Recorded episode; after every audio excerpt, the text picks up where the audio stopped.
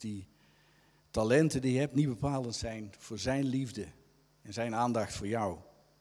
Want die talenten heeft hij notabene zelf gegeven. En als dat ongelijkelijk uitgedeeld zou zijn, dan zou hij bij voorbaat al sturen en dan zou hij bij voorbaat al invloed uitoefenen. Maar het gaat om onze keuze, ons besluit. En daar wordt er van ons iets gevraagd waarmee we niet vergeleken kunnen worden met een ander. Geen basis voor concurrentie, maar het gaat om iets wat zich afspeelt in onze directe één op één relatie met God zelf. En wat gevraagd wordt, dat is dat je jezelf uit eigen vrije wil aan Hem geeft. I want you. Ik wil jou. Geef Hem jezelf en daarmee vervul je de hartewens van jouw hemelse Vader. Geef Hem jezelf en je vervult Zijn grootste wens. En dat kan iedereen. Maar het is jouw keuze om dat te doen. En ik realiseer me ook wel dat het niet altijd even makkelijk is. De een zou zeggen van nou, dan geef ik mezelf. Een ander die heeft daar misschien meer moeite mee om allerlei redenen. Dus dat realiseer ik me. Als we dan denken aan het avondmaal, wat we vandaag vieren, daarin heeft Jezus zichzelf gegeven voor jou. En door zijn dood heeft hij het mogelijk gemaakt dat je met God verzoend raakt. En dat het mogelijk is dat je jezelf aan Hem kunt geven. Niet vanuit een voordeeltje voor jou, uit winstbejag of uit opportunisme, maar vanuit liefde voor Hem. Vanuit het besef dat Jezus zich voor jou gegeven heeft, aan God de Vader gegeven heeft voor jou. En dan is het nu aan ons de beurt dat wij ons aan de Vader kunnen geven. God ziet ons niet meer als zondig, als een zondaar, maar als een heilig en rein kind van Hem. Zo wil hij jou ook zien. En door het offer van Jezus kan je ook zo zien. En het gaat verder, zo ziet hij je ook. Zo kijkt hij naar je. Je geeft jezelf in je staat als zondaar aan Jezus, opdat je vergeving van zonde ontvangt. En daarna geef je jezelf heilig en rein aan God. God en de Vader zijn één, dat snap ik. Maar ik kom vuil en zondig aan Jezus. Ik geef mijn leven aan Hem. Ik word gereinigd, ik ontvang vergeving. En als een zondeloos vergeven kind geef ik mezelf aan God als Vader. Dat één vervult zijn hartenwens. En twee, we geven hem een waardevol geschenk. Geen zondaar, geen zondig iemand, maar een heilig en gereinigd iemand. Dat is wat hij wilde, wat hij nou verlangt. Dat is waar hij recht op heeft. Dat is ook wat hem toekomt. Zodat hij in heiligheid een relatie kan hebben met zijn kinderen, met zijn schepselen. En dat is eigenlijk het punt waarop onze bestemming en, uh, en Gods verlangen elkaar raken en samenkomen. God ziet ons als, na onze bekering niet meer als zondaars, maar als zijn kinderen. Heilig. En heilig is apart gezet. Speciaal voor hem. Nou las ik eh, laatst een leuke overweging in het boek Supermens van Tom de Wal. Een aantal mensen van jullie zullen dit verhaal wel kennen, komt het bekend voor. Maar ik wil het toch even noemen. Dus ik leen eventjes een fragment uit het boek van Tom de Wal. En hij schrijft daar, je hoort wel eens zeggen, ik ben een geredde zondaar. Nou, ik zie dat een aantal van jullie al knikken van ja, dat, dat, dat is zo.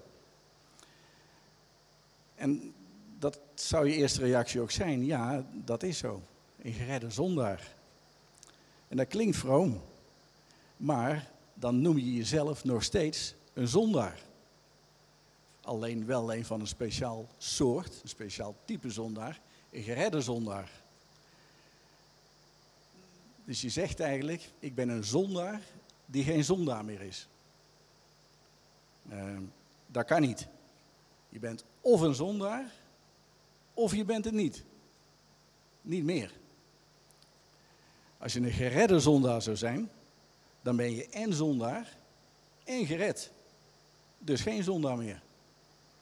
Dus dat, dat kan niet. Het is het een of het ander.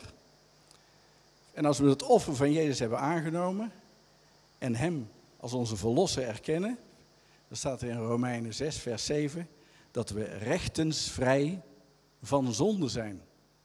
Dus geen zondaar meer. Dus als we vroom zeggen dat we een eh, geredde zondaar zijn, dan zeggen we dat we nog wel een speciale, maar een zondaar zijn. En dat is dan in strijd met de Bijbel. Dan gaan we eigenlijk tegen Gods mening in. En dan zeggen we wat anders dan wat Hij zegt, hoe Hij over ons denkt. Hoe Hij ons ziet. We waren een zondaar. Maar door het offer van Jezus niet meer. Door het offer van Jezus ziet God ons niet meer als zondaars. Dat is een status die voorbij is. Het is niet je huidige status. Je zou kunnen zeggen, ik ben een ex-zondaar. Ik ben een voormalig zondaar. En dat is waar. Maar dat woord zondaar, dat doet geen recht aan je nieuwe status. En doet ook geen recht aan het offer van Jezus. En het doet geen recht aan hoe de Vader jou ziet. Het woord zondaar, ja, dat is besmeurd. Dat haalt je omlaag. Dat klinkt niet prettig. Dat je, dat, daardoor laat je je hoofd hangen. Maar als je jezelf zonen en dochters van God noemt, je noemt jezelf heilig, heiligen, en je mag jezelf als zijn erfgenamen noemen, dat zijn staatsbenamingen, die, die halen je op. En die geven weer hoe jij bent. En daarmee geven we hem de eer. Dus het is of zondaar, of niet meer. Um, hoewel, als je door het offer van Jezus bij God komt, en dan is het voor de geredde niet of-of. Dus zelfs die of-of speelt bij God niet. Want je bent alleen nog maar die geredde. Je bent alleen nog maar de niet-zondaar. Je bent vrij van zonde, verlost, zijn kind. Dat is, dat is het enige wat hij ziet. Dat is de enige keuze. Geen of-of. En dan eh, wil ik even een kleine nuance aanbrengen, want uh, even kijken hoor. Je hebt een nieuwe status ontvangen. 2 Korinthe 5, versen 17 en 19 spreekt over een nieuwe schepping. Dat is onze nieuwe staat, een nieuwe schepping. Zegt de Heer zelf, zijn woord, zijn woorden. En we kunnen nog steeds de fout ingaan, dat gebeurt ook wel. We struikelen wel eens, we doen verkeerde dingen, maken verkeerde keuzes in het leven. We doen zondige dingen, dus we zondigen weer wel. Maar dat verandert in de basis niet onze staat. Dat verandert in de basis niet ja, onze status. We gaan niet weer terug naar zondaar zijn. Tenzij we bewust kiezen om niet meer zijn kind te zijn, niet meer heilig te willen zijn. Onze redding ongedaan maken. Nou, dat, dat, dat, dat is onbegrijpelijk. En dat is uh, onvoorstelbaar voor ons. Maar het gebeurt wel, helaas. Maar als we struikelen, dan vallen we niet weer terug in die oude staat van zondaar. We behouden onze staat van nieuwe schepping. Maar we zijn wel in de fout gegaan. En daarom heeft de Heer ons de mogelijkheid gegeven om die misstap weer ongedaan te maken. Weer te herstellen. En dat is beleiden. In orde maken. Met de Heer. En met anderen, als dat van toepassing is. Misschien wil ook niemand toestappen om het in orde te maken. Stelt de Heer dat als voorwaarde. Maar de weg terug is er. In 1 Johannes 1, versen 9 en 10, daar staat... Indien we onze zonde beleiden, hij is getrouw en rechtvaardig. Om onze zonde te vergeven en te reinigen van elke ongerechtigheid. Jezus heeft de prijs voor onze ongerechtigheid betaald. Hij heeft de terugweg, als je struikelt, al gebaand. Om die fout te herstellen. Je bent overgegaan in zijn koninkrijk. Dat is allemaal feiten. Colossense 1, vers 13, daar staat: Hij heeft ons verlost uit de macht der duisternis en overgebracht in het koninkrijk van de zoon zijner liefde. Dat is een feit. Je bent in je nieuwe staat. Je bent die nieuwe schepping. Je loopt alleen even uit de pas. Maar na beleiden en oprechte spijt, geen woordendienst, maar oprecht behoud tonen, dan is het weer goed tussen hem en jou. Want anders dan zouden we van de staat geen zondaar weer terugvallen in de staat zondaar. En dan weer geen zondaar. En dan gaat het mis en dan zijn we weer zondaar. Of we zouden een nieuwe schepping zijn. En dan weer niet nieuwe schepping. En dan weer wel nieuwe schepping. En dan weer niet. En dan weer wel. Dat is geen stabiele relatie. Dat is een soort van uh, knipperlichtrelatie, zou je kunnen zeggen. Dat hadden Kitty en ik ook in het begin van onze verkeringstijd. Was het ook steeds aan en uit en aan en uit. Totdat mijn schoonouders het inzicht kwamen dat ik best wel een toffe peer was. En toen mocht ik blijven komen. Dus je ziet, het, het komt uiteindelijk wel weer goed allemaal. Maar, die, maar de Heer wil een stabiele relatie met jou. En daarom heeft hij jou uit je oude positie gehaald en je je nieuwe positie geplaatst. En dat ben jij. En zo zie ik jou. En jij bent geen zondaar. Jij bent mijn kind. En jij bent geheiligd. En jij bent gereinigd. En, dat, en zo ziet hij jou door Jezus. En hij geeft ook alle middelen, die Heilige Geest, om jou te, te helpen. Dat je niet struikelt. Om je te waarschuwen. En als je dan toch struikelt, dan strekt hij zijn hand uit. En dan zegt hij, kom grijp mijn hand. Dan plaats ik jou weer in de positie die jou toebehoort. Die ik voor jou bewerkt heb. Die is niet weggenomen van je. Ik zet je weer op je voeten. Vergelijk dat maar met een ouder-kindrelatie. Als je kind ongehoorzaam is, dan blijft het je kind. Je verwerpt het niet. Zo is dat ook met God als vader. Als je even van hem afdwaalt, dan blijft hij op de uitkijk staan tot je weer terugkomt. Denk aan het verhaal van de verloren zoon. Die vader stond op de uitkijk. Zijn hart blijft naar dat verloren kind uitgaan.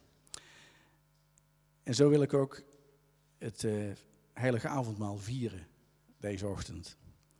Om eraan te herinneren dat Jezus zich voor ons heeft gegeven, als offerlam aan de Vader heeft gegeven, zodat wij in reactie erop ons zelf als heilig en van zonde gereinigd aan de Vader kunnen geven. En daarmee tegelijkertijd zijn hartewens vervullen. Ik wil jou. Niet als een dwingend. Ik wil dat. Als een, uh, als een eis waar we uit verplichting aan moeten voldoen. Maar als een uiting van een verlangen. Het klinkt meer als, ehm, ik wil jou zo graag. Ik wil zo graag dat jij jezelf aan mij geeft. Ik wil zo graag dat jij bij mij bent. Dus we begonnen met een nors kijkende Uncle Sam, een dwingende blik.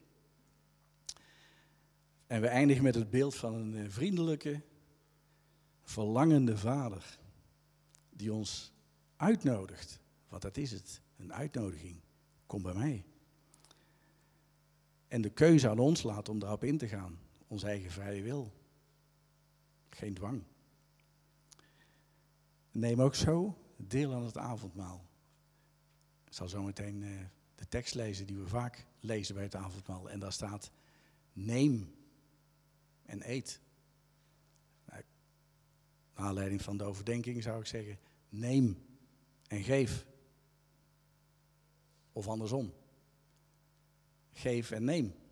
Dat zeggen de wereld ook. Het is geven en nemen. En dan heeft dat een beetje een klank van, nou ja, het is dan niet altijd even positief. Hier wel, geef jezelf. En neem van Hem, ontvang van Hem.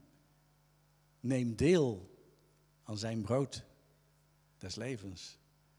Neem deel aan zijn bloed, wat je reinigt en in die positie plaatst van geen zondaar.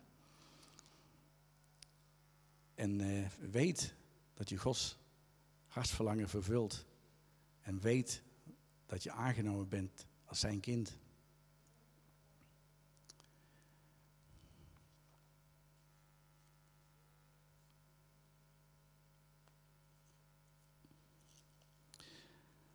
Even de tekst bijpakken die ik zojuist noemde.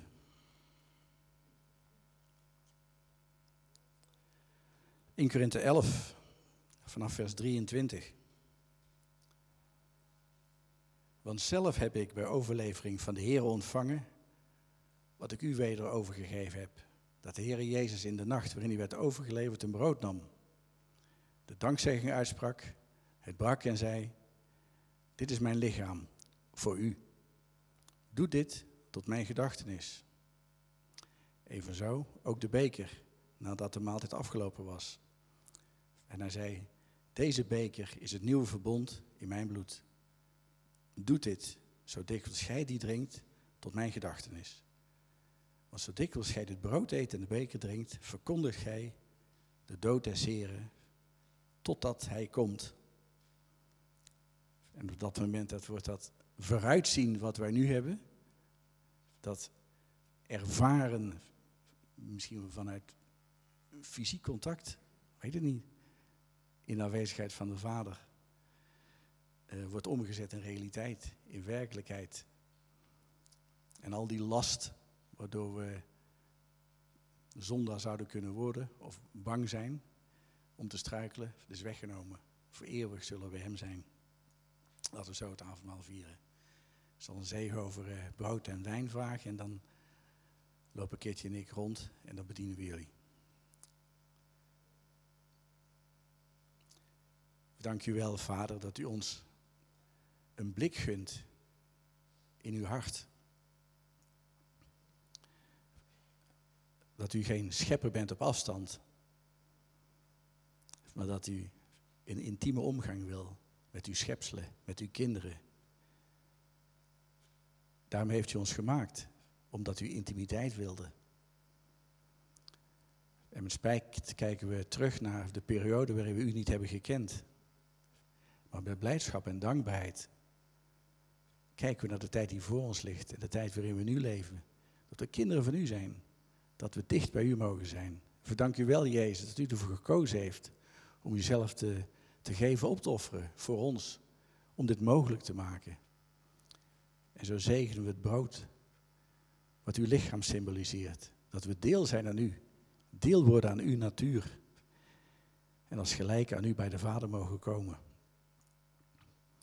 En we drinken van de wijn om te beseffen dat het u alles gekost heeft. In het bloed is het leven. U heeft uw leven gegeven voor ons, opdat wij in een nieuw leven op zouden kunnen staan, door u en met u. Als de schepselen, zoals de Vader zo oorspronkelijk had bedoeld, om een relatie mee te hebben. En we zegenen deze tijd in Jezus' naam. Amen.